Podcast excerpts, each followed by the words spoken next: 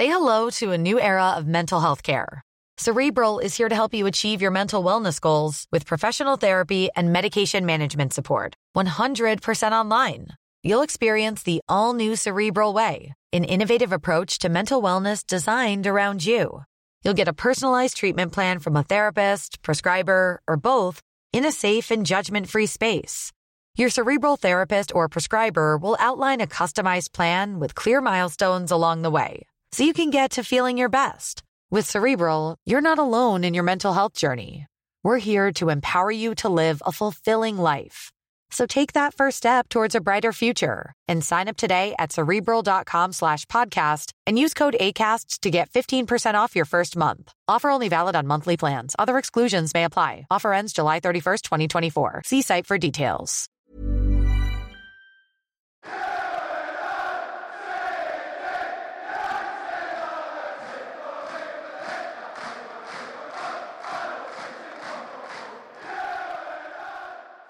Halo teman-teman GGMU semua, balik lagi di konten spesial lanjutan. Dan kenapa kita memilih untuk adakan part ketiga? Karena sejujurnya setelah kita kemarin record part kedua tentang uh, transfer uh, ada sebuah mega news bisa dikatakan ya. Dan semua dari kita cukup kaget, cukup shock uh, seorang striker yang selama ini dianggap uh, menyia-nyiakan waktunya.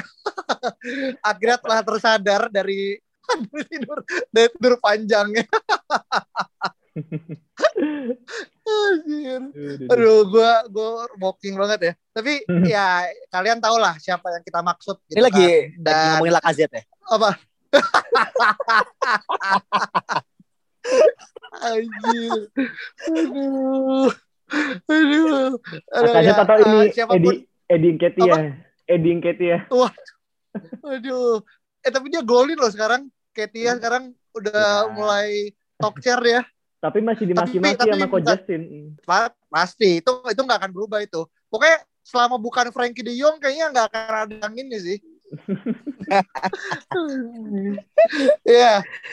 ya, jadi bahasan hari ini uh, terkait dengan satu striker ya. Kita udah tahu itu siapa lah gitu kan. Karena be honest kalau mulai kita ngefollow beberapa akun base-nya MU gitu kan di Twitter, di Instagram, uh, orang ini tuh selalu muncul. Bahkan di YouTube pun beberapa akun-akun YouTube yang gue follow, let's say United Stand, uh, Stafford Paddock, terus juga Dave Statement, itu membahas terkait dengan um, seseorang yang kemudian ini namanya mulai harum karena secara statistik ya, ini gue bahas di statistik, uh, dia per setiap musim bisa dikatakan cukup subur karena minimal dia mencetak gol di angka 18 minimal 17 sampai 18 gitu kan. Hmm. Yang mana enggak dan itu rutin dari tahun 2014 sampai dengan 2021 selama 7 tahun berturut-turut dia uh, rutin mencetak minimal 15 sampai 17 gol gitu kan. Yang mana menurut gue itu di Liga Inggris doang ya. Untuk iya untuk Liga Inggris ya gitu kan.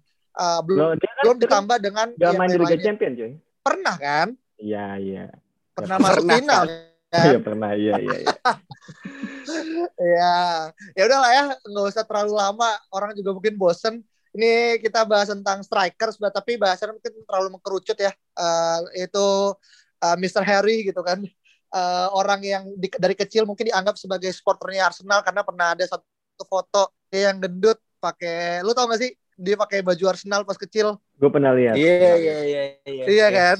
Dia sempat sempat di akademi Arsenal kan kalau nggak salah. Iya, sempat di akademi Arsenal bener kayak gitu. Hmm. Tapi somehow eh tiba-tiba end up di di di uh, apa kelompok sebelah gitu kan yang apa masih London putih gitu kan. Oke, okay, uh, gue nggak mau bertele-tele gitu kan. Gue mau mulai dengan pertanyaan yang sangat simpel. Apakah lu mau ngambil Harry Kane dengan apa berapapun jumlah price tag-nya pada musim transfer ini apa enggak dari Saum dulu Ung? Jelas sih menurut gue. Itu it's it's a no brainer man. Ketika okay pemain sekali per Harry Kane gitu ada di market gitu untuk seharga 100 juta pound, 120 juta pound, ya lo harus ambil gitu loh. Karena uh, tim mana gitu yang nggak butuh seorang striker yang bisa menjanjikan 30 gol per musim untuk seluruh kompetisi. Ini kan gila gitu loh. Ini salah satu pemain yang mungkin dapat mele apa, melewati rekor all time top skornya Harry Kane gitu. Eh, siapa Alan Shearer gitu loh. Jadi kalau pemain ini sampai ke rival karena dia kan dia kan nggak mau dia udah pernah udah bilang kalau dia nggak mau keluar dari Liga Inggris kan ketika dia pindah ke rival it will be the end of the other teams gitu it will be no contest man, menurut gue mm-hmm. oke okay, gitu jadi jadi harus ya harus oke okay, lu lu iya ya berarti oke okay, ini gua gua yes. uh, jawaban lu iya yes. iya gitu nah gue mm. berharap dari Alvin punya jawaban yang sangat kontras supaya lebih seru Vin Dan semoga jawaban iya gitu kan. Lu lu lu gimana? Harry Kane di musim depan ya. Um, gue iya, bicara musim, dari iya. dari segi kebutuhan dulu ya gitu.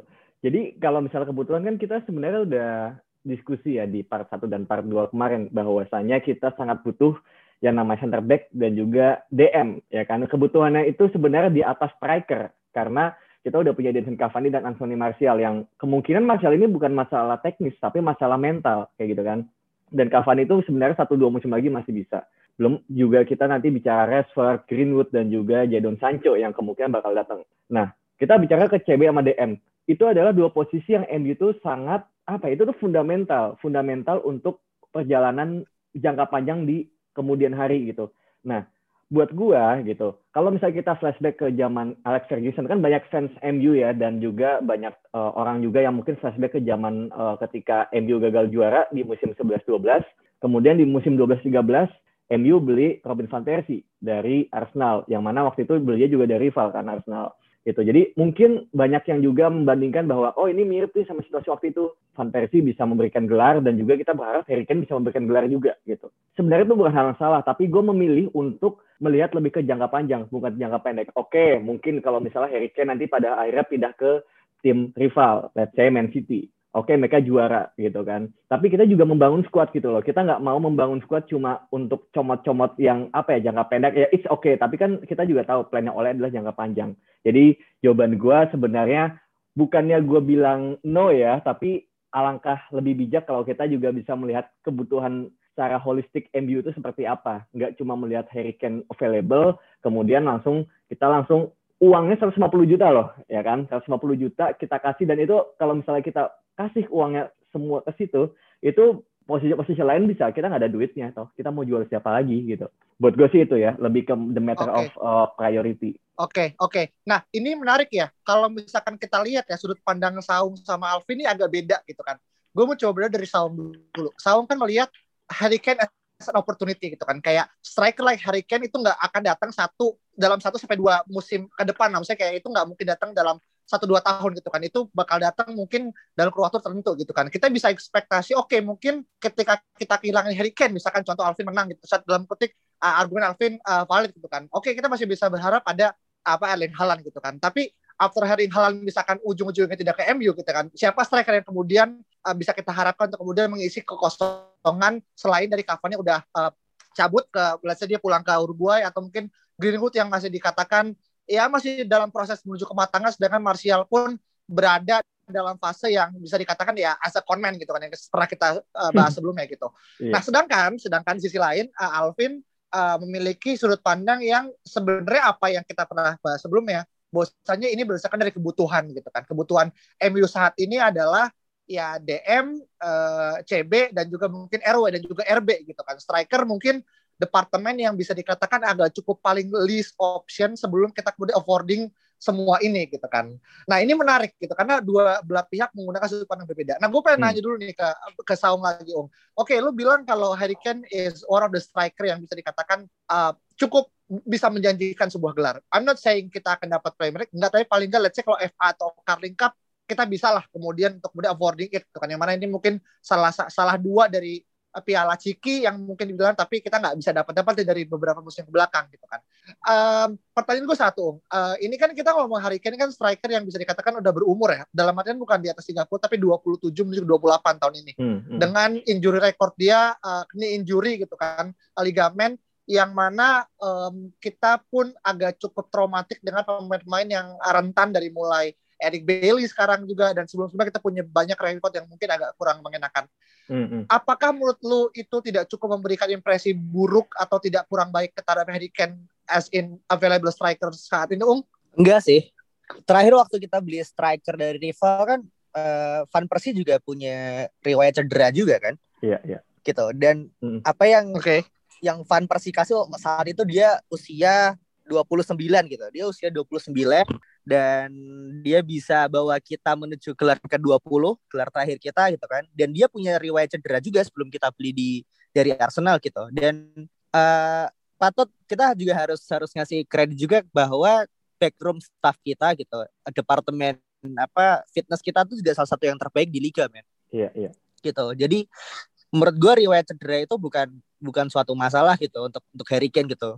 Uh, dan kita juga ini harus harus mulai apa ya? Harus mulai meyakini realita bahwa Anthony Martial tuh bukan striker yang menjanjikan 20 gol setiap musim men gitu loh.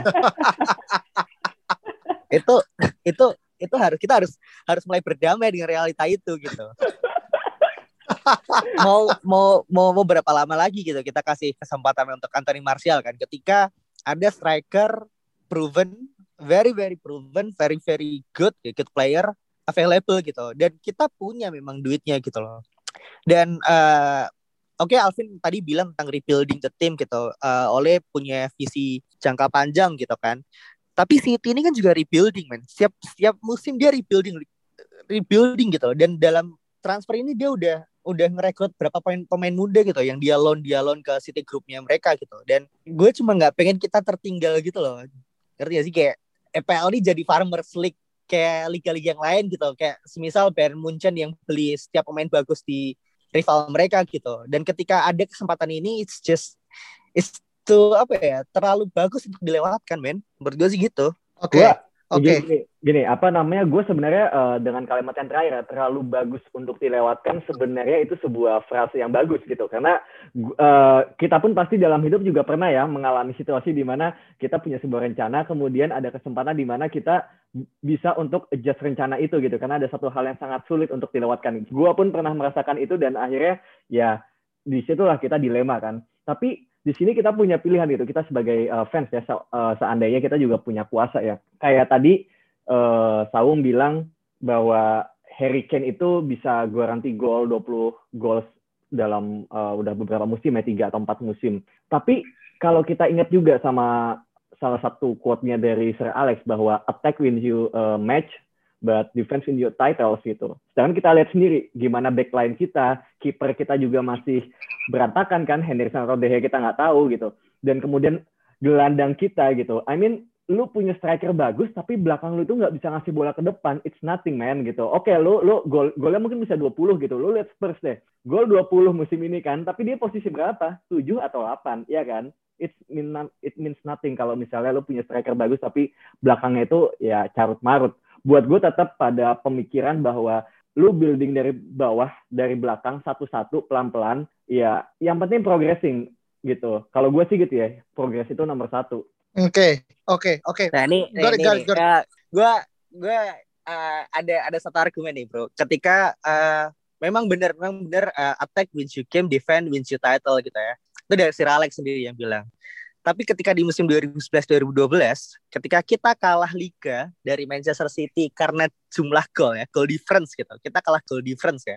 Mm. Saat itu Sir Alex beli back atau beli striker kan? Loh, bro, gini. Lu, lu jangan belinder kalimat gue kayak gitu.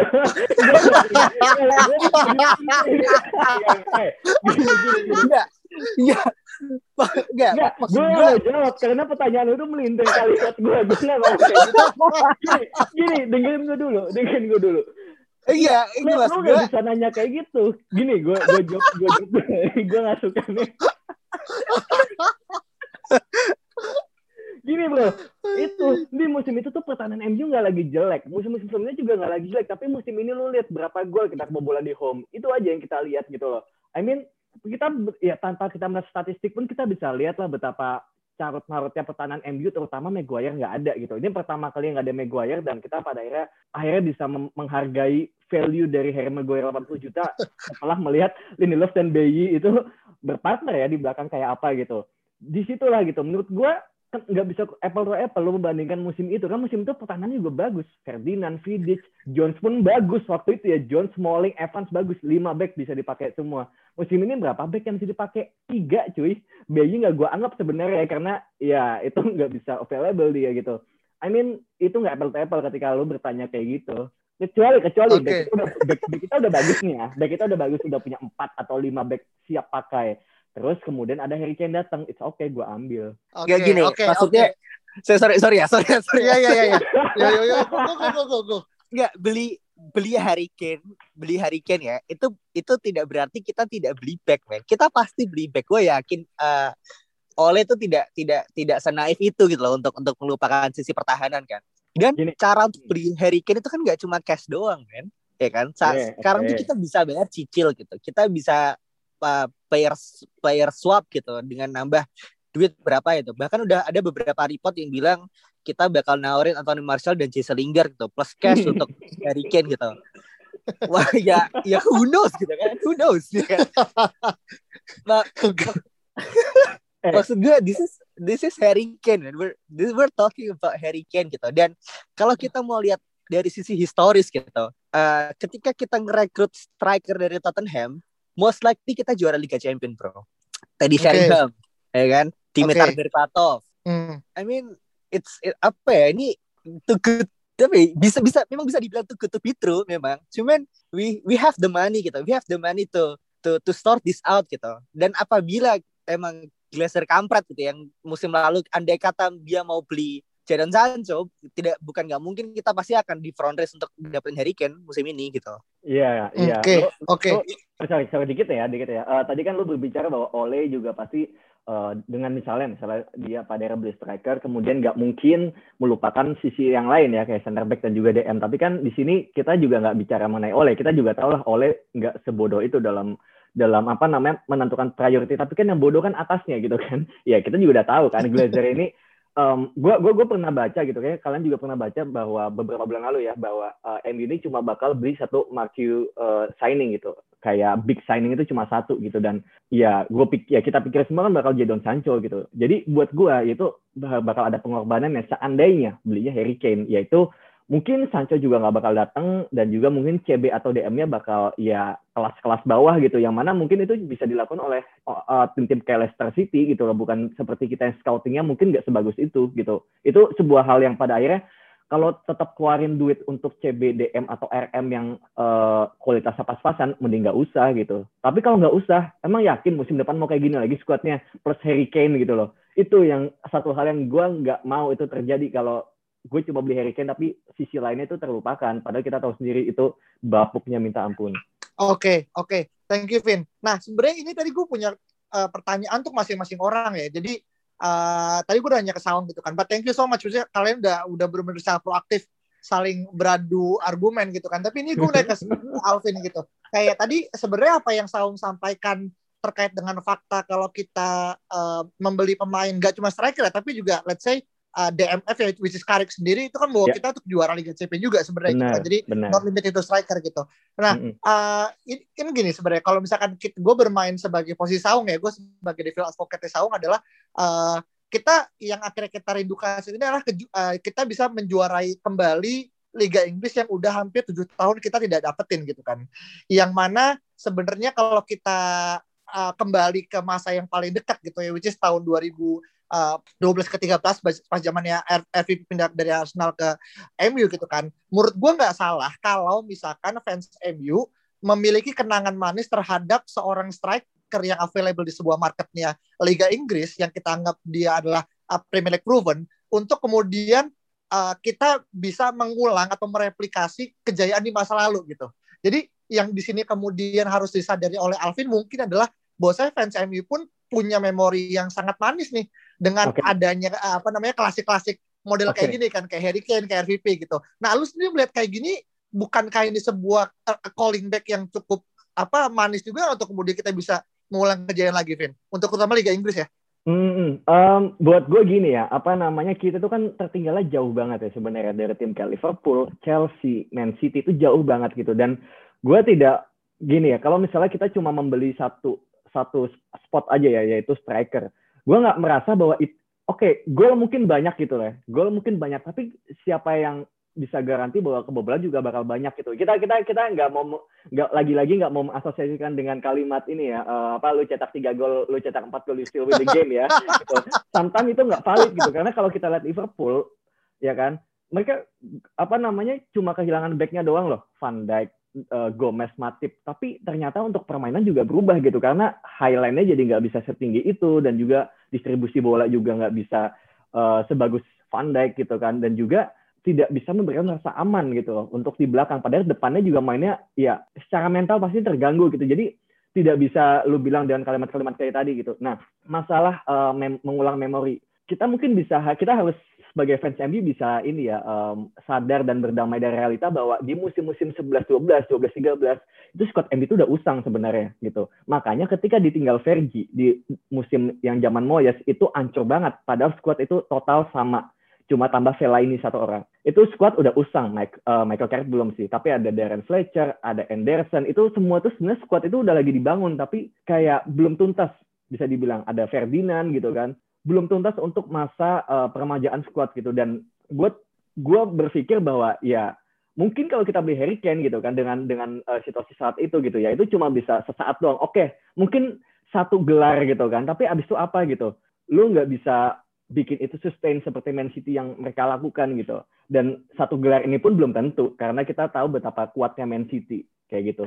Oke okay, oke. Okay. sip. Thank you Vin. Nah balik ke sound dulu nih Om uh, kalau yang gue tangkap ya gue sekarang menjadi advokatnya Alvin gitu. Kayak yang gue tangkap adalah lu di sini seolah-olah memainkan uh, pola pikir yang lu tuh mainnya short term gitu. Kayak uh, lu tahu bosnya keadaan MU tidak sebaik yang dibayangkan ya terlepas iya tadi lu bilang Martial segala macam tapi ada beberapa pos departemen yang kita pun udah sama-sama uh, paham gitu kan. Lu gue yakin lu juga paham gitu. Kita butuh beberapa hal yang mungkin secara prioritas tidak se uh, banding dengan kemudian kebutuhan di posisi uh, departemen striker gitu. Nah, lu merasa kalau uh, bener nggak kalau misalkan gue bilang kalau lu berpikir pendek untuk kejayaan MU dengan Alvin lebih pikir panjang untuk kesusahan MU uh, Ung dengan Harry Kane sendiri? Um, menurut gue gue malah justru berpikir panjang sih men. Kenapa? Balik ke diskusi awal-awal kita di podcast-podcast sebelumnya ya. Ole itu butuh trofi gitu loh.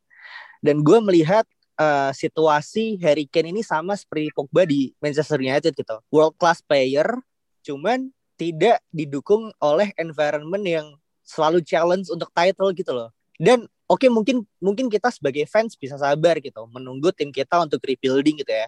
Ngisi posisi ini, ngisi posisi ini, posisi ini. Cuman kan apa gelar juara itu kan tidak tidak tidak apa ya, tidak menjamin gitu loh. Tidak uh, dengan kita beli-beli pemain-pemain tersebut gitu tidak akan selalu menjamin kita untuk langsung dapat gelar gitu. Bahkan beli Harry Kane pun kita tidak akan langsung dapat gelar gitu kan pasti. Nah tapi apakah pemain-pemain kita ini bisa sabar gitu loh? Dalam artian uh, kita beli Harry Kane gitu itu untuk menjaga uh, level kita untuk menjaga standar kita tetap rebuilding cuman ada pemain-pemain world class yang mampu membuat tim ini dan pemain muda ini untuk selalu challenge ke title gitu loh. Oke. okay jadi uh, andai kata kita misal cuma beli Jadon Sancho gitu, which is is is is a great signing gitu.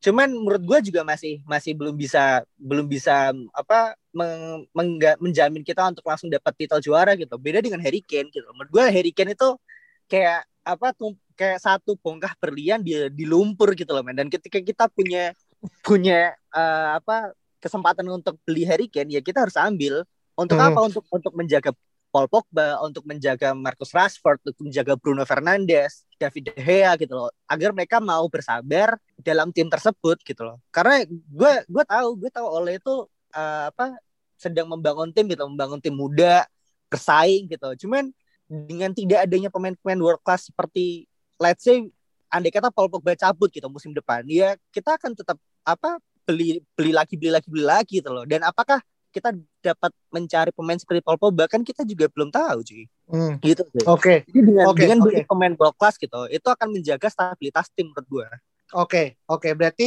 point of view Song adalah bagaimana kemudian menjaga ekosistem yang udah ada sekarang supaya tidak kemudian uh, down ketika memang MU uh, dinyatakan tidak dapat mem, tidak dapat memberikan suplai pemain yang sesuai dengan standarnya let's say Pogba, terus juga let's say Fernandes dan juga Rashford dan kawan-kawan yang sekarang kita anggap sebagai star player gitu nggak sih yang tadi gue tangkap betul bahkan okay. uh, eh, pemain kayak Wayne Rooney pun dulu juga sempat mengancam untuk pindah kan karena MU jarang banget beli pemain bintang gitu dan itu oh. uh, bukan berarti hal itu tidak dapat terulang lagi kalau kita tidak beraksi gitu loh menurut gue sih gitu oke okay, oke okay, oke okay. sip gue hmm. balik ke Arvin hmm. lagi nih uh, hmm. gini, gua gua um, intinya gini, Vin.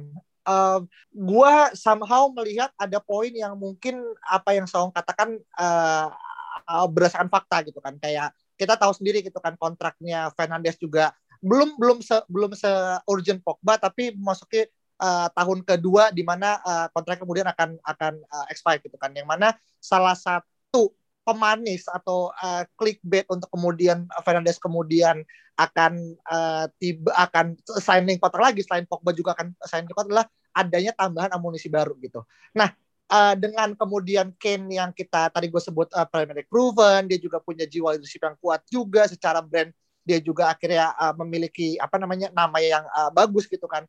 Nah, uh, apakah lu merasa bahwasanya pemain-pemain yang kemudian nantinya akan direkrut oleh Harry Kane bisa nggak sih kemudian memberikan instant impact uh, let's say kita ngomong Jadon Sancho yang datang dari uh, oke okay, dia kita bisa bilang dia datang dari akademinya City tapi akademi dengan uh, Premier League itu dua hal yang berbeda gitu kan. Kita ngomong Varane gitu kan. Varane is world class player tapi dia belum pernah main di Liga Inggris gitu. Jadi kita bicara let's say uh, pemain-pemain yang kemudian kita incar yang datang dari luar Liga Inggris kecuali dia keras kalau emang dia kemudian uh, ke MU gitu. Nah lu melihat ada poin poin plus atau poin hal yang kemudian tidak dimiliki oleh Harry Kane yang akhirnya lu ngerasa ini bisa bisa bisa melihat perubahan di situ nggak, Vin? Um, gimana ya? Gue gue gue sebenarnya gini ya. Uh, eh, gue untuk di sini kayak counter argumen atau apa sebenarnya gue uh, bukan berarti gue hate Harry Kane ya, tapi lebih ke the matter of priority. Gue kan sebenarnya poinnya di situ aja gitu. Bukannya gue nggak suka Kane, bukannya gue nggak mau Kane, tapi kayak sebenarnya kayak di waktu yang salah gitu loh dia available ya gitu. Dan juga kalau misalnya kita melihat uh, apa namanya kemungkinan gitu, meskipun Harry Kane pingin stay di Inggris, tapi Levy sendiri bilang dia nggak mau jual ke Inggris gitu. Dan siapa yang punya kuasa untuk menjual? Ya klub itu sendiri, Levy itu sendiri. Levy itu kan kepala batu gitu. Dia mau jual ke mana gitu, ya terserah dia gitu. Buat dan kita bisa ingat kasus di Maria lah. Ketika di Maria itu nggak mau ke MU, tapi ujung-ujungnya dijual ke MU gitu. Jadi buat gue di sini peran klub untuk ngejual pemain itu ke mana sangat mungkin gitu dan juga kita tahu tim-tim lain seperti PSG gitu itu juga butuh striker gitu jadi buat gue di sini kita bisa bicara ini kalau misalnya nggak ada kemungkinan lain. Kayak misalnya kita ada ngomong Erling Haaland dan segala macam itu dan juga kalau misalnya bicara pemain bintang oke okay, gitu kan. Itu cara yang mungkin bisa dibilang uh, instan ya untuk meng, meng, apa menjaga stabilitas dan pemain untuk stay gitu kan. Tapi di sini ya baik lagi sebenarnya poin itu benar gitu poin itu benar. Gue juga nggak pernah counter argumen sawung yang lain gitu. Poin gue cuma di masalah priority aja gitu. Buat gue priority ini value-nya lebih di atas yang lain. Karena ya baik lagi gitu. Kalau misalnya kita ngomong uh, yang yang Sawung bilang terjadi itu ya, misalnya 150 juta dibeli, apakah lu yakin gitu? Pada akhirnya MU bakal beli lagi di musim itu. Dan juga apakah lu, lu yakin dengan belinya Harry Kane uh, apa itu bakal garansi untuk posisi yang lebih baik dan juga untuk trofi yang akan didapat gitu loh. Dengan kita tidak memperbaiki pos-pos lain yang sangat terekspos gitu loh. Jadi kayak lu mem, ibaratnya sebuah memes di Twitter tuh yang depannya Ferrari tapi belakang lu bajai gitu loh. Itu kan sebuah okay. balance yang sangat tidak sehat gitu. Gue memilih untuk perbaiki pelan-pelan satu-satu tapi nanti semuanya sempurna kayak gitu. Gue yakin sooner or later pasti kita ya ini ini emang cuma berandai-andai ya kita nggak ngomong fakta ya. Kayak pasti tuh ada jalan keluar ini omongannya sangat optimistis ya tapi tapi kayak kayak apa namanya um, buat gue ya sektor-sektor lain itulah yang harus dipikirin juga gitu. Kalau enggak ya musim depan itu bakal di, musim depannya lagi bakal dilakuin dan musim depan mungkin kita bakal kehilangan chance untuk meraih posisi yang lebih baik lagi dan sangat apa ya? Iya itu pilihan gue sih argumennya. Oke, okay. I see, I see. Oke, okay, oke. Okay. Oke, okay, uh, balik lagi ya. Maksudnya sudut pandang Alvin akan tetap sama gitu. Sudut pandangnya adalah bagaimana fokus pada apa yang kemudian menjadi titik lemah yang kemudian bisa kita tingkatkan lebih dulu sebelum kemudian kita uh, fokus ke yang lain gitu. Jadi yang gue tangkap tuh adalah kayak Alvin tuh lebih pengen kita menyelesaikan apa namanya basic premier kita dulu nih kebutuhan dasarnya itu apa, baru kemudian kebutuhan uh, sekunder tersier kemudian dipenuhi gitu kan. Di mana di sini Alvin menganggap kebut, uh, keberadaan Harry gitu kan uh, apa namanya uh, dianggap sebagai uh, secondary atau ataupun tersier tersier itu dari kebutuhan yang sekarang. Nah, gue sebelum ke kamu nanya ke lu dulu, uh, Alvin kalau misalkan nih, gua gua ngambil uh, contoh, misalkan Harry Kane tidak senilai 120 juta. Let's say dia di angka 70 atau 80.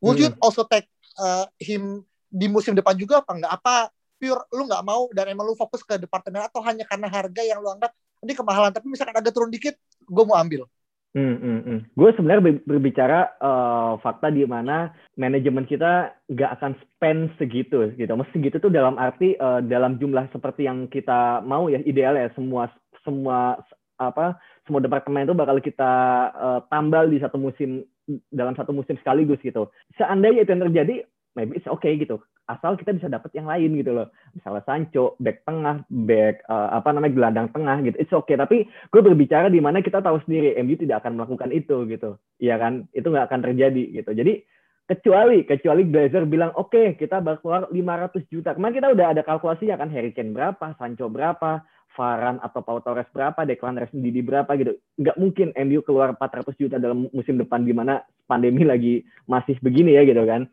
itu nggak mungkin terjadi gitu kecuali Glazer bisa mm, garansi itu bakal dilakuin gue sih oke okay. balik lagi gue nggak lagi counter argumen mengenai ini ya apa preferensi pemain ya tapi lebih ke priority dan um, kebiasaan MU yang tidak akan spend segitunya dan suka PHP gitu gue lebih ke situ sebenarnya oke okay. iya iya iya iya uh, menurut gue itu nggak salah ya karena ya kita tahu sendiri lah kita sebagai fans MU juga nggak bisa sangat naif melihat uh, MU sebagai tim yang kita sayang dan juga oleh yang kemudian membutuhkan squad player tapi juga ada batasan-batasan yang kemudian kita harus uh, lihat gitu kan dari sejarah yang musim lalu bahwasanya ya agak cukup mustahil meskipun jadi bilang uh, ini apa impossible untuk kemudian sekelas uh, Glazer mengeluarkan dana di angka 400 juta gitu kan. Nah, uh, gue mau ke Saung dulu nih, Uh, gue balik ke Saung lagi. Hmm. Kayak... Sorry, sorry, yes, yes, sorry, sorry. Iya. Uh, gue mau hmm. nambahin dikit tadi masalah yang uh, pemain, yang gue fokus di pemain-pemain utama, pemain-pemain maksudnya uh, first tier ya untuk uh, membangun yeah. basic formasi dibandingkan komplementer gitu kan pemain-pemain cadangannya. Yeah. Ini mengingatkan gue pada musim ini di mana MU beli Donny van de Beek dan juga Amat Diallo. Gue sebenarnya ya dari awal gue tuh kontra sama pembelian dua pemain itu. Kenapa? Itu selalu ada di thread gue dan gue pin tweet itu. Kenapa? Karena gue menginginkan MU tuh fokus kejar pemain untuk first team gitu loh, bukan untuk komplementer gitu. Bukan untuk pemain-pemain yang apa namanya cadangan gitu. Sedangkan kita CB waktu itu butuh, kemudian um, mana lagi yang butuh DM kita butuh, striker kita striker akhirnya datang kan Cavani gitu. Tapi RM kita butuh, tapi kita akhirnya end up dengan beli seorang Donny van de Beek yang musim ini juga kontribusinya masih minim gitu. Oke, kita kita nggak bicara mengenai visi nanti ke depannya gimana ya, tapi pada akhirnya kan itu terekspos ya, CB kita gimana, RM kita gimana, DM kita gimana gitu. Itu itu satu hal yang gue kritik dari pembelian Van de Beek dan juga Amat Diallo. Amat Diallo mahal loh 40 juta. Kenapa? Nggak ya ibaratnya kita tahan, terus kita musim ini bisa beli Didi mungkin dengan tambahan duit 40 juta gitu. Gue kayak gitu pemikiran. Oke, okay, oke. Okay. I see, I see, I see. Iya, iya. Menarik, menarik sudut pandangnya Alvin. Tapi ini gue mau ini ya sedikit informasi juga terkait dengan uh, apakah kemudian Blazer akan kemudian uh, mengeluarkan uang banyak atau enggak. Sebenarnya gini, ini ada satu press release yang di uh, sama MU tanggal 19 Mei kemarin bahwasannya untuk pertama kalinya Joe, Joe Glazer akan join uh, Man United Fans Forum pada tanggal 4 Juni 2021. Gue nggak tahu apa agendanya. Hmm. Uh, tapi intinya adalah salah satu yang mungkin akan diobrolkan mungkin terkait dengan uh, financial issue di di MU dan juga terkait dengan budget spending mungkin ya karena ini baru official statement dari MU sendiri gitu kan dan mungkin terkait dengan detail background tadi kan kita dapat dapat dari sudut pandang fans itu kan. Nah, oke okay, itu cuman uh, apa namanya kelas-kelas sedikit aja gitu. Gue mau ngesawang lagi, Ung. Uh, dengan penjelasan Alvin yang kemudian Alvin fokus pada rebuilding the squad, uh, apa namanya prioritizing uh, apa namanya departemen-departemen dianggap uh, khusus gitu kan. Yang juga mungkin tadi Alvin mengatakan satu kata kunci yang cukup uh, baik adalah uh, dia berkaca pada musim ini pembelian Amat dan juga Doni dianggap tidak cukup mendongkrak uh, apa posisi MU terlepas. Kemudian kita masih punya chance kemudian menang UEFA dan juga posisi dua lu merasa dengan adanya pembelian Kane yang Alvin anggap akan sama seperti musim ini uh, akan berujung tidak indah? Apakah itu kemudian menjadi salah satu pandangan lu? Um, gue setuju sih sama pandangan Alvin yang bilang pembelian Ahmad Diallo dan Dodi van de Beek memang patut dipertanyakan gitu ya. Karena uh, pertama dua pemain tersebut minim kontribusi dan uang tersebut bisa dipakai untuk beli back lagi gitu loh. Kayak kita ingat waktu Pep Guardiola di musim musim pertama dia di Man City kan dia beli back banyak kan. Beli back hmm. beli kiper beli back beli kiper gitu loh. Dan itu memang uh, emang itu yang ingin ingin ingin dia bangun gitu loh. Membangun dari belakang. Uh, cuman uh, apa ya Harry Kane itu gimana bro? Gimana bro? Gimana bro? Gimana bro? Gue gitu selalu ada ada sisi-sisi romantisme sih bro. Ketika ketika gue uh, dihadapkan pada situasi Manchester United gitu ya kan. Mm -hmm. Jadi gue selalu gue selalu flashback dan apa yang apa yang dulu dilakukan gitu apakah bisa direplika seperti sekarang gitu. Dan mm. ketika gue mention saat Sir Alex Ferguson kehilangan title di musim 2011-2012 oleh selisih goal difference gitu dan dia memilih untuk membeli Robin van Persie gitu kan yang saat itu dia juga menginginkan untuk pindah gitu Robin van Persie yang udah mulai BT cengah di Arsenal yang cuma top 4 top 4 doang gitu hmm. uh, Sir Alex Ferguson tanpa tanpa ragu langsung langsung beli gitu padahal Sir Alex Ferguson tuh tahu bahwa sisi-sisi Manchester United yang lain itu departemen yang lain pos yang lain itu juga butuh butuh untuk diperbarui gitu loh. Bahkan backnya pun Vidic Ferdinand pun memang udah usang gitu. Memang udah tidak tidak seperti tiga musim sebelumnya gitu loh. Bahkan uh, gue sempat lihat lagi Premier League table saat 2012-2013 gitu ya. MU itu kebobolan 46 gol men. Itu uh, di apa 43 gol sorry. Kebobolan 43 gol di lima besar ya. Di lima besar dia yang paling paling gede gitu cuma Tottenham yang 46 gol gitu. Pembelian pembelian seperti ini gitu maksudnya kenapa saat itu Sir Alex Ferguson lebih pilih Harry Kane gitu. Eh Robin van Persie karena karena ingin title man walaupun gue yakin uh, saat beli itu Sir Alex Ferguson udah udah udah kepikiran bahwa di musim tersebut dia akan pensiun gitu kan. Cuman Alex Ferguson juga pernah bilang kalau what counts as a manager itu ya berapa trofi yang dia dia raih gitu. Menurut gue sih gitu. Kenapa harus kenapa harus kita harus kejar Harry Kane gitu loh men. Hmm, nah, oke, okay, oke. Okay. Nah, nah, sorry sorry sorry ya. Uh, gua, yeah, yeah, yeah. mau mau nambah uh, apa ya bukan nanggap bukan nambahin tapi menanggapi sedikit gitu. Yang mungkin ya di ini ini ini pendapat gue ya. Sebapuk-bapuknya, seusang-usangnya back-back MU gitu kan di masa Sir Alex, it's still Sir Alex gitu loh. gitu. Jadi uh, buat gue kekuatan Alex kan di man manajemen kan, di motivasi dan ya taktikal ada gitu tapi itu bukanlah sebuah hal yang bisa di highlight gitu kan. Tapi kita nggak bisa ngomongin apple to apple man manajemen Fergie dengan Ole gitu. Ole masih belajar untuk ke sana gitu. Meskipun itu adalah salah satu hal yang juga di highlight dari Ole kita man manajemen ya dibanding taktikalnya gitu. Itulah itu yang menyebabkan pada akhirnya dengan kuat seusang itu MU masih bisa meraih juara gitu dan dia di musim sekarang di zaman sekarang nggak bisa dengan cara itu aja gitu dan juga Fergie itu punya gini, oke okay, tadi lu bilang juga Fergie ini sebenarnya udah tahu ada pos-pos lain seperti back, gelandang yang butuh uh, revamp gitu kan dibandingkan striker gitu. Tapi kita juga tahu bahwa dia tuh sangat berambisi untuk mengalahkan Liverpool dalam jumlah title gitu dan juga dia tuh nambah saya ingat gue dia tuh nambah satu atau dua musim lagi buat bisa dapetin gelar juara gitu jadi kayak dia tuh sempat sempat apa ya kayak udah sempat mau pensiun tapi ah gue nambah semusim dua musim lagi ah cuma buat nambah gelar juara gitu. Jadi dengan dengan ambisi quote unquote ambisi pribadi dia itu, dia akhirnya mencari sebuah apa namanya kayak cara instan untuk juara gitu, yaitu dengan beli Persie dan juga dan juga dia tahu hal apa sebenarnya yang yang apa ya menjadi titik masalah dari MU gitu. Jadi kayak sebelum memikirkan solusinya apa, kita harus tahu dulu kekurangannya di mana, masalahnya di mana gitu. Jangan sampai kita membuat apa ya mengambil sebuah langkah solusi yang yang B gitu padahal masalahnya di A gitu loh kita harus tahu dulu di situ dan kita semua tahu kekurangan kita tuh di mana gitu jadi jangan sampai salah tambal gitu itu sih poin gue di situ oke okay. iya yeah. um, oke okay. nah oke okay. uh, gimana om gimana om sorry ya um, gue kalau melihat melihat melihat Manchester United musim ini ya adalah ya gue kalau melihat Manchester United musim ini gitu uh, banyak pertandingan Manchester United yang mengecewakan gitu ya yang bisa dibilang mengecewakan itu adalah bukan karena kita kalah dengan jumlah gol banyak ya menurut gue gitu.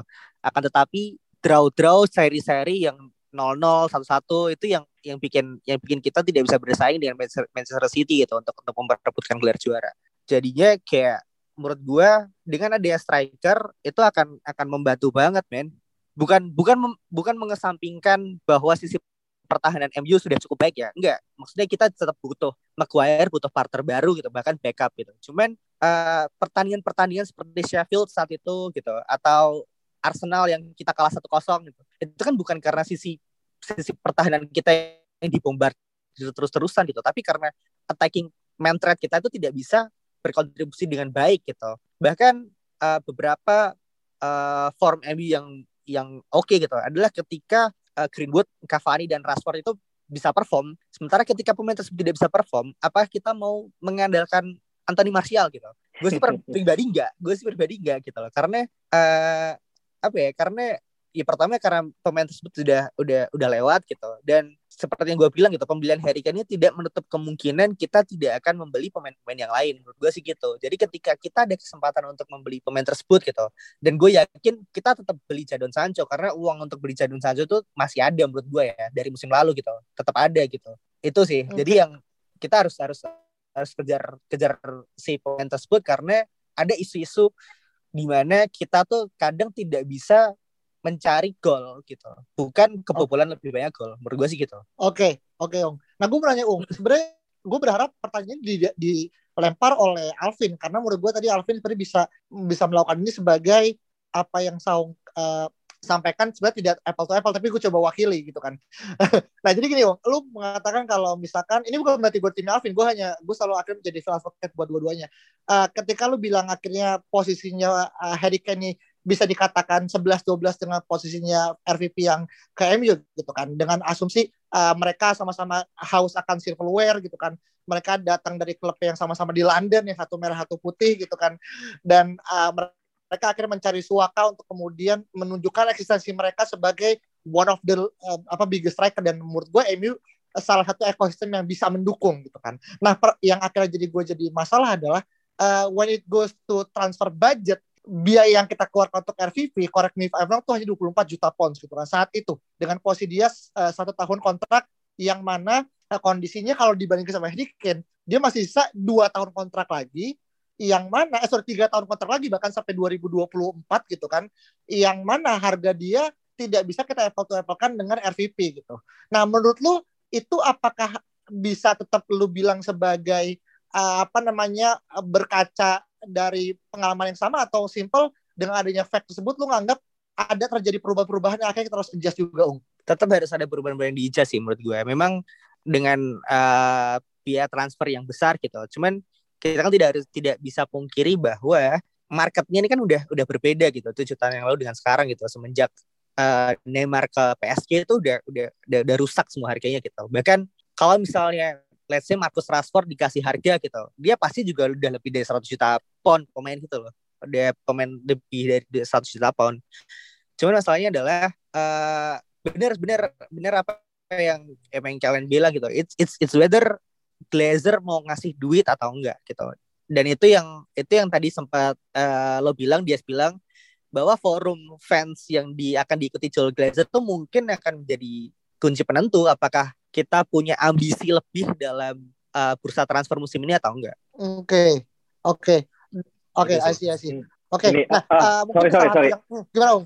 Iya, uh, yeah. Sorry ya, um, gue mau nambahin sedikit sih ya masalah yang ini ini menanggapi dikit ya. Tadi yang Saung juga udah sempat mention sebenarnya dua statement sebelum ini, yang kayak uh, dia bilang bahwa kita ini uh, kayak nggak bisa mencetak gol gitu. Sebenarnya kalau dari yang gue lihat ini ini cuma eye test aja. Gue mungkin nanti dia atau Saung juga mungkin bisa menyangka. Tapi di pemandang uh, pandangan gue, Emi bukan nggak bisa golin, tapi Emi nggak bisa create the chance gitu. Cuma ada Bruno sama Pogba gitu dan beberapa beberapa match juga Pogba nggak ada gitu.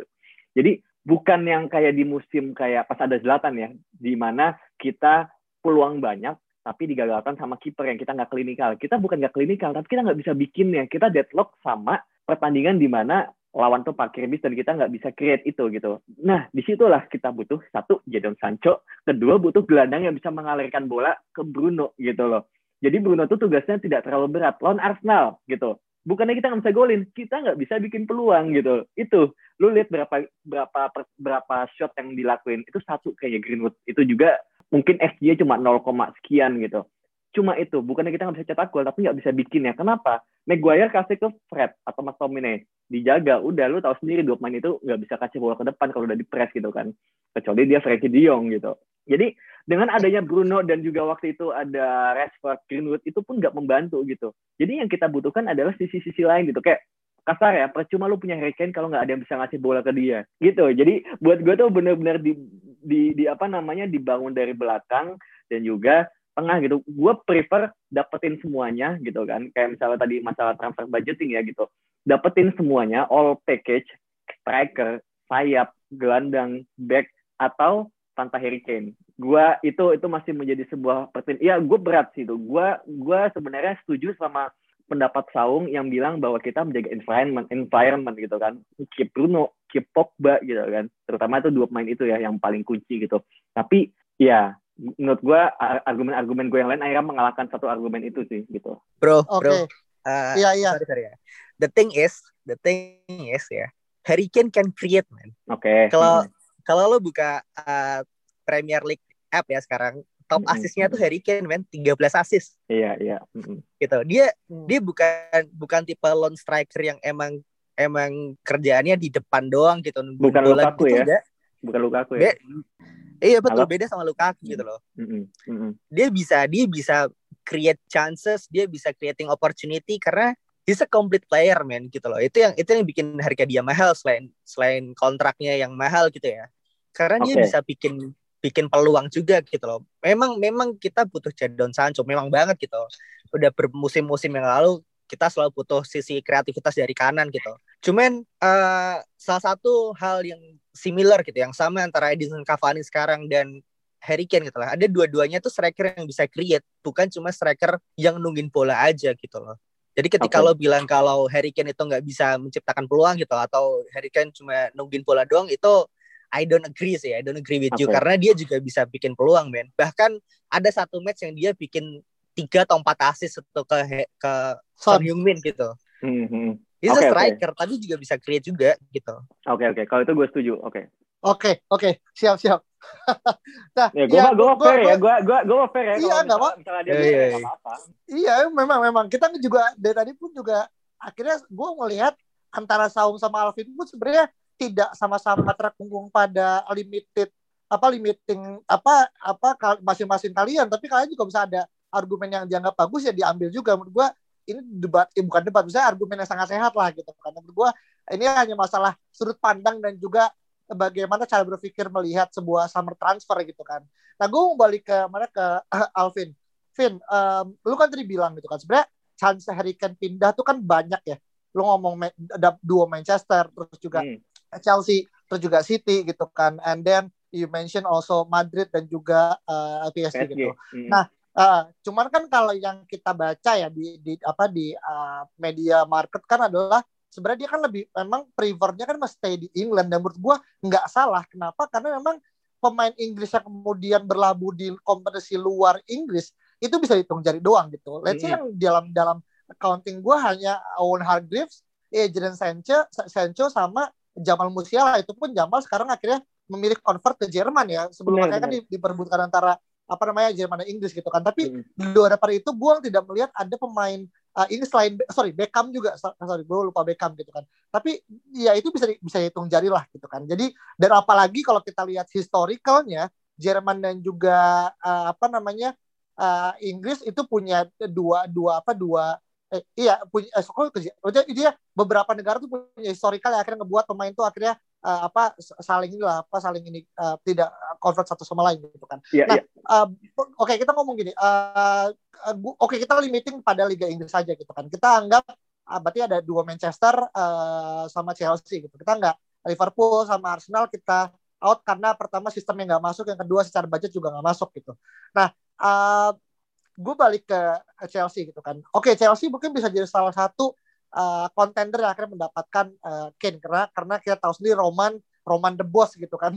Ya dia hmm. lu mengeluarkan uang berapapun dia akan bayar gitu kan. Karena dibuktikan dari summer yang yang selalu menurut gue nggak nggak ada sebuah uh, apa ya a, a, apa anomali kalau dia nggak akan mengeluarkan yang sama untuk satu orang pemain. Tapi balik lagi uh, Levy is just Levy gitu kan. Dia nggak mau menjual pemain ke uh, apa ke rival dan ini dibuktikan dengan ketika lu ingat uh, pas saat itu uh, Modric itu mau diincar sama Chelsea dengan harga yang jauh lebih tinggi dibandingkan Levy jual ke Modric ke Madrid dua tahun setelahnya. Gue gak tahu kalian tahu apa enggak tapi yeah, itu ada yeah. di uh, market juga gitu kan. Means yeah, yeah. menurut gue Levy nggak uh, dengan adanya Levy akan menunjukkan itu ke Modric dia nggak akan dia nggak akan doing same thing juga kepada Ken gitu kan. Yang mana menurut itu pada dua Manchester gitu. Benar. Pertanyaan gue simpel. Will you let uh, Kane to join City dengan squad City yang udah sangat-sangat bagus dibandingkan kita dan keberadaan Kane akan jauh lebih memperkuat kita yang akhirnya mau akhirnya kita nambahin Sancho, Varane segala macam simple kita akan tetap jauh di belakang City gitu. Menurut lu gimana? Ini sebenarnya sebuah pertanyaan sulit ya kayak lu lu lu kayak disuruh memilih antara dua wanita gitu. Dua-duanya sama-sama bagus gitu.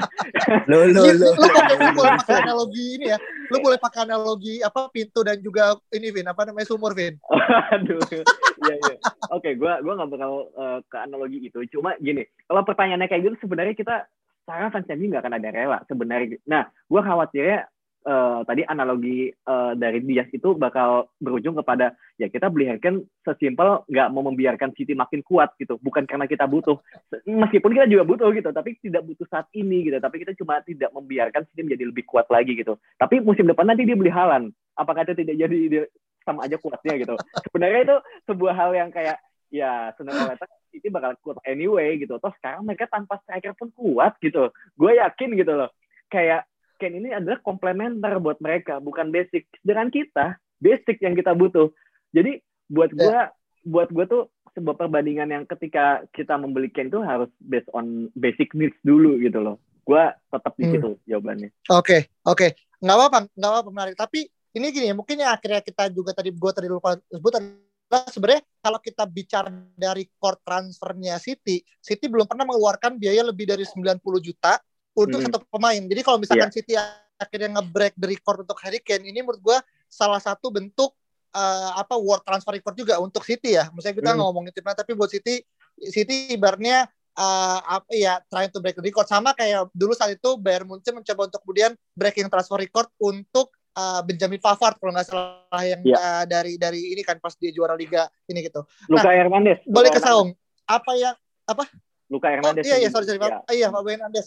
Iya Hmm, hmm, benar, benar, benar, benar. Sorry, sorry. Nah, uh, gue balik ke Saung gitu kan. Uh, apa yang Alvin bilang benar gitu kan. Sebenarnya kita hanya menunggu bom waktu aja gitu. Kalau emang kita dapat Harry Kane, ya most likely uh, Halan akan ke City gitu. Dan kalau misalkan uh, apa City, uh, sorry, uh, Kane ke City, ya mungkin bisa kita dapat Halan, tapi bisa juga musim depan ya gitu kan. Bisa kita lewatin hal bisa ke Madrid karena simple uh, COVID udah datang gitu.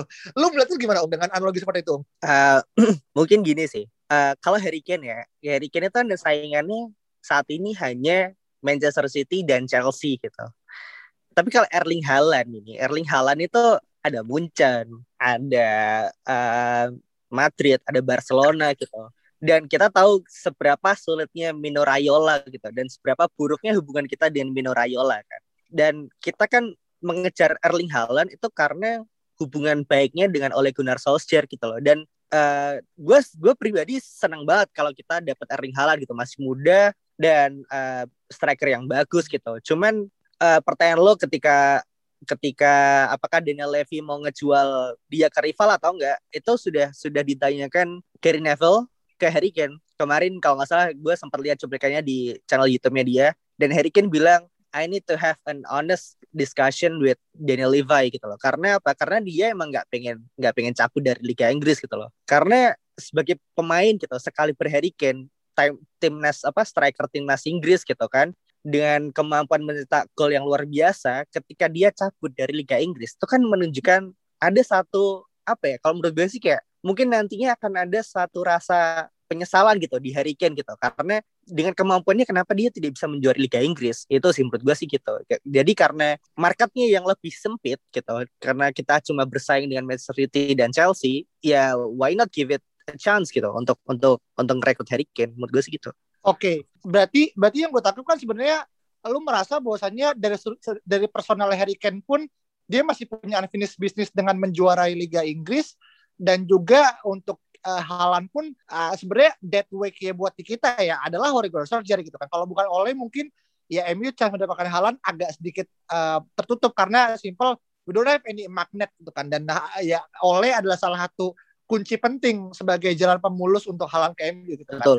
Nah, iya. Nah, tapi uh, bukankah kemudian sekarang ya apa namanya uh, kondisinya sebenarnya kalau dibilang secara apa pun gue masih cenderung untuk misalkan uh, sebenarnya gue belum belum saying apa pun gitu kan. Tapi ini ya gini uh, gue kemarin nonton sebuah video yang diupload sama Starford Enders uh, uh, Starford Pedok sorry. Uh, dan gue setuju bahwasannya ada fakta tadi belum kita sebut. Bahwasannya sebenarnya sejak Rooney uh, dari mulai uh, Rooney adalah uh, batas batas awal dan akhir ya kita tidak punya striker yang jangka waktunya melebihi lima tahun. Dan teman-teman bisa cek sendiri dari mulai kita beli Tevez, beli uh, Berbatov, kita beli uh, Saha dan segala macam, kita tidak pernah punya striker yang bisa memiliki jangka panjang lebih dari lima tahun selain Wayne Rooney gitu kan. Yang mana sebenarnya ya itu udah bisa dikompas sama Rashford misalnya kita karena Rashford terlepas dari akademi gitu kan. Nah, menurut lu pribadi jangka waktu ke kelamaan sebuah pemain dalam uh, di sebuah tim apakah akan menentukan sebuah kunci sukses uh, pemain itu sendiri dan juga sebuah tim sendiri mengingat ya kita belum punya nih uh, pengalaman untuk kemudian keeping the player atau striker lebih dari lima tahun selain dari apa namanya uh, Wano sendiri gitu. Lu gimana Vin menanggapinya Vin? Oh gue, sorry sorry gue kira oh iya dong. oh, enggak dong lu dong. Oke oke oke oke. Gimana ya buat gue dunia sepak bola udah berubah sih gitu. Di mana kita tadi bicara Wayne Rooney gitu kan, itu di masa lalu gitu. Dan juga mungkin Wayne Rooney juga bisa dibilang karirnya cukup pendek kan di usia 30-an something dia udah mulai uh, declining gitu. Jadi buat gue seandainya dia nggak declining dan juga seandainya waktu itu MU lepas gitu di musim-musim itu dan MU Rooney masih bagus gitu mungkin selevel Ronaldo gue yakin Rooney bakal pindah anyway dan buat gue ya apa ya sebuah durasi itu tuh nggak menjadi sebuah apa ya kayak tolak ukur apakah dia akan sukses atau enggak gitu. Van Persie kita anggap sukses atau enggak sukses meskipun cuma satu kali gitu kan. Dan juga mungkin jangka waktunya cuma dua atau tiga musim gitu. Tapi pada akhirnya yang gua anggap kalau misal masa jangka waktu. Sebenarnya Erling Haaland juga bisa bisa dibilang sangat riskan ya karena dengan status kebintangannya dia dan kita asumsikan dia sukses. Misalnya di MU dia akan pindah ke tim yang lebih besar lagi gitu. Yaitu Real Madrid atau, atau mungkin Bayern Munchen gitu. Ya kan? Karena MU ini buat gue masih di tier bukan di tier one gitu lah untuk menjadi sebuah destinasi utama pemain-pemain kelas dunia gitu. Masih ada Real Madrid dan dan Barcelona. Kalau gue sih pandangannya gitu ya mengenai jangka panjang atau jangka waktu di mana seorang striker itu bisa uh, apa apakah akan sukses atau tidak di sebuah tim. Mm-hmm. Betul betul. Oke oke oke. Gue gue kalau mau uh, gue pengen nambahin ya um, tentang masalah durasi uh, suatu pemain gitu. Harry Kane bilang dia masih punya sekitar 7 atau 8 tahun lagi untuk untuk bermain di level tertinggi gitu loh. Dan memang betul setelah apa mulai dari Wayne Rooney sampai sekarang gitu tidak ada striker MU yang main lebih dari lima tahun gitu. Dan gue rasa apa yang benar yang dibilang Alvin, Manchester United ini masih terlalu muda untuk Erling Haaland sih menurut gue gitu loh. Apabila Erling Haaland pindah gitu musim depan, tidak menutup kemungkinan dia akan pindah di usia yang lebih matang gitu ke Barcelona atau Real Madrid. Pasti akan seperti itu kan. Jadi uh, why not kita punya kesempatan untuk uh, ngerekrut Harry Kane gitu. Spend three years, four years with him gitu kan. Tiga atau empat musim dengan dia, jual lalu beli Harry Kane di, mus di usia dia yang sudah matang menurut gue sih gitu maksudnya skenario yang berjalan di otak gue sih seperti itu gitu sebenarnya sebenarnya okay. kalau, kalau gini kalau bicara misalnya skenario yang tadi Saung bilang gitu kan itu sebenarnya skenario yang sangat ideal gitu gue gue pun kalau cuma cuma melihat poin itu dan mengesampingkan poin-poin lain gue bakal ambil Harry Kane gitu cuma balik lagi balik lagi gitu kan dengan segala tadi ya uh, poin-poin lainnya yang ada gitu kan variabel-variabel lainnya. Pada akhirnya gue secara berat hati harus bilang no ke Harry Kane untuk musim ini. Seandainya gue masih pingin please Harry Kane stay satu musim lagi kita beli musim depannya lagi. Gue oke okay. asal musim ini kita dapetin Sancho CB dan juga DM serius gitu. Itu itu gue cuma masalah apa ya waktu yang tidak tepat aja gitu. Oke. Oke oke oke. Menarik menarik menarik. Nah uh, ini ini nih ya maksudnya ini masih hubungan dengan transfer sebenarnya um, sebenarnya Oleh itu barusan ngelakuin press con gitu kan uh, terkait dengan uh, ya match lawan Wolves as usual dan juga terkait dengan signing dan uh, ini barusan banget satu jam yang lalu dia bilang we are looking at the squad and I hope we are going to strengthen with two or three players we definitely need to challenge higher up in the table gitu kan. Nah, gue pengen mengharap pada kata kunci two or three players gitu kan. Nah, menurut pribadi untuk Saung gitu dengan kemudian oleh mengatakan two or three players ya mungkin ini bisa aja gimmick uh, media dia ngomong dua atau tiga ya udahlah gue ngomong dua atau tiga.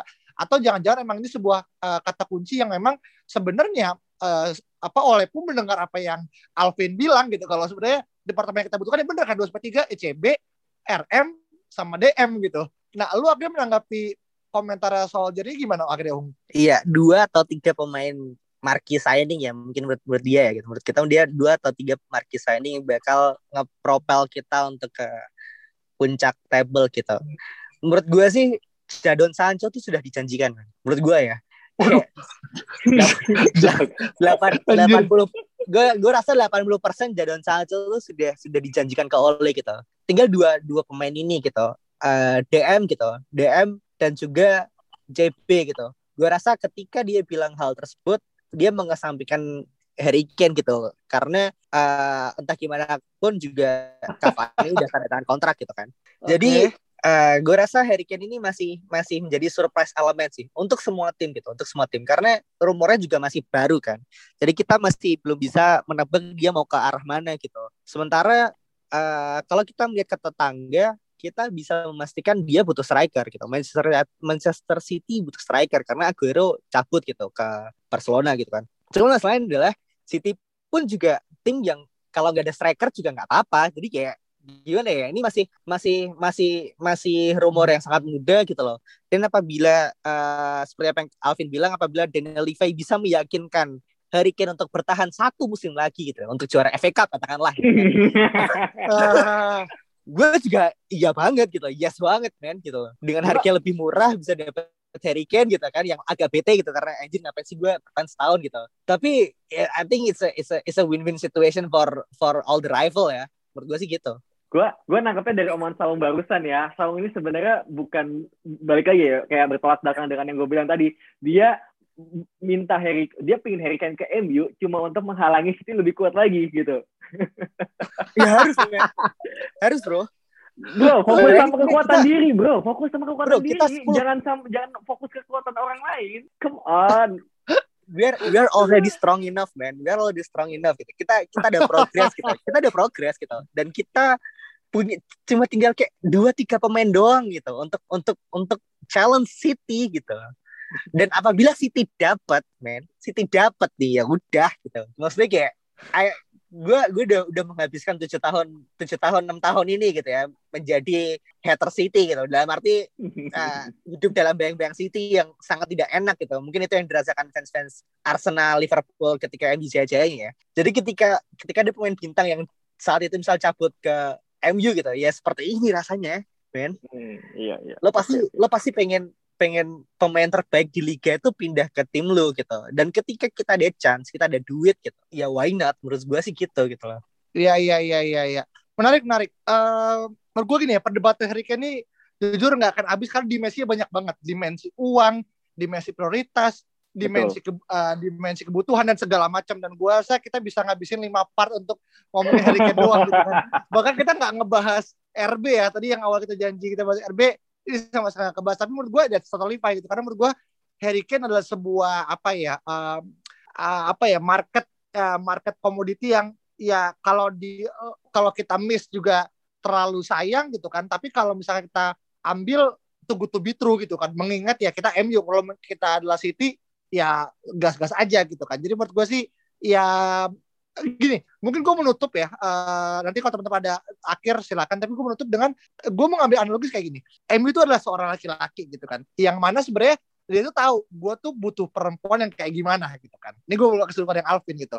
Oh, gue butuh perempuan yang misalkan eh, enggak enggak ini ini bukan sudut pandang tapi lebih kepada kayak prioritas gitu kan. Oh, gue butuh perempuan. Yang mana perempuan ini adalah dia uh, misalkan contoh ya uh, dia tuh pintar, dia tuh kemudian uh, apa namanya ya berilmu gitu kan dan kemudian dia datang dari latar belakang yang bagus gitu bisa tiga gitu ya akhirnya kita lihat gitu kan nah tuh kita tahu nih oh ini ini ini ini kita tahu nih ini, orang ini ada di satu orang kita anggap aja yang mana nih orang ketika mau ke sana emang ada tantangannya gitu kan. Pertama kita harus butuh effort segala macam. Eh tiba-tiba gitu kan di jalan gitu kan pas lagi mau PDKT ada cewek lain nih tiba-tiba yang datang yang kita tahu dia tuh ada keberadaannya tapi simpel kita nggak pernah gubris karena kita ngerasa ah kita nggak butuh-butuh dia banget untuk saat ini gitu kan. Hmm. Tapi kalau misalkan dia itu nggak kita ambil sekarang, ada cowok lain yang diambil gitu kan. Nah itu yang disebut palangnya Saung gitu, di mana Saung nggak pengen cewek yang ada di depan mata dia ambil sama cowok lain, entah dia rivalnya Saung atau segala segala macam gitu kan. Jadi ya gue mengambil analogi sesimpel itu ya. Jadi laki-laki ada ada perempuan, perempuan itu ada yang kita sedang kejar tapi butuh effort, tapi yang satu depan mata ketika kita raih tapi ya mungkin kita nggak akan ngambil yang itu di saat ini gitu karena nggak mungkin dua-duanya kita ambil gitu kan. Ya udah you, you decide gitu kan. Ya kita balikin kepada masing-masing pendengar. Uh, dan kita juga pengen dengar sebenarnya sih kayak dari teman-teman sebenarnya lebih pilih yang mana nih? Pilih saung dengan kondisi kita butuh supaya menghalangi situ untuk tidak lebih berjaya atau supaya Alvin kita mulai dari belakang gitu kan. Kita starting dari nol lagi gitu kan kalau kata Pertamina tapi kita tahu nih track kita ke mana gitu kan. Itu sih paling dari uh, uh, gue pribadi sebagai moderator dan gue sebenarnya nggak merujuk ke mana-mana ya gitu kan. Nah dari Alvin sama Saung ada nggak closing statement uh, terkait dengan Ken itu sendiri Ung? Sama Saung? Eh Ung sama Saung sama Alvin. Sama aja ini uh, lo dulu atau gue dulu Vin? Saung dulu boleh boleh boleh. Oke. Okay. kalau gue sih simple man uh, kalau gue mending uh, gue nyesel tapi gue berhasil dapetin dia dan tahu seperti apa gitu kan rasanya bersama dia gitu daripada nggak dapet tapi terus bertanya-tanya sih oke okay.